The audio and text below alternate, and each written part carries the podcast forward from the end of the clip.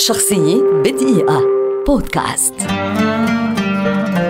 داليدا واسمها الحقيقي يولاندا كريستينا جيجليوتي مغنية وممثلة إيطالية مصرية ولدت عام 1933 في شبرا لأبوين من المهاجرين. تعود أصولهما إلى جزيرة كالابريا في جنوب إيطاليا وتعد واحدة من أساطير الغناء في العالم. بدأت حياتها بفوزها في مسابقة ملكة جمال مصر عام 1954 قبل أن ترحل إلى فرنسا لتنطلق في مسيرتها الفنية حيث اكتشفها رجل يدعى برونو وهو مدير الأولمبيا أشهر قاعة موسيقى في باريس.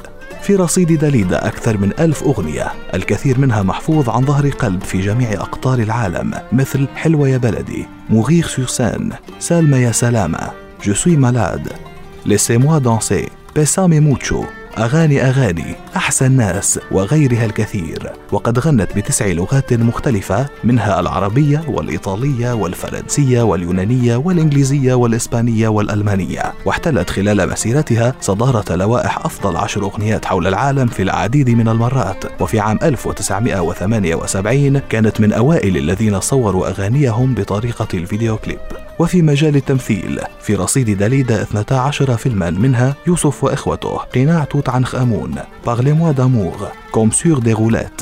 وفيلم اليوم السادس من إخراج يوسف شاهين الذي كان آخر أفلامها عام 1986 وحقق نجاحا استثنائيا.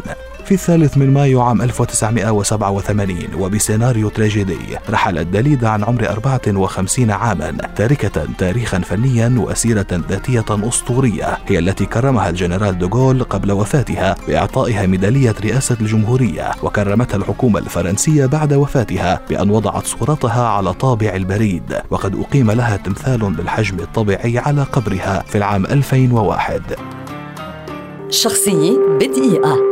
بودكاست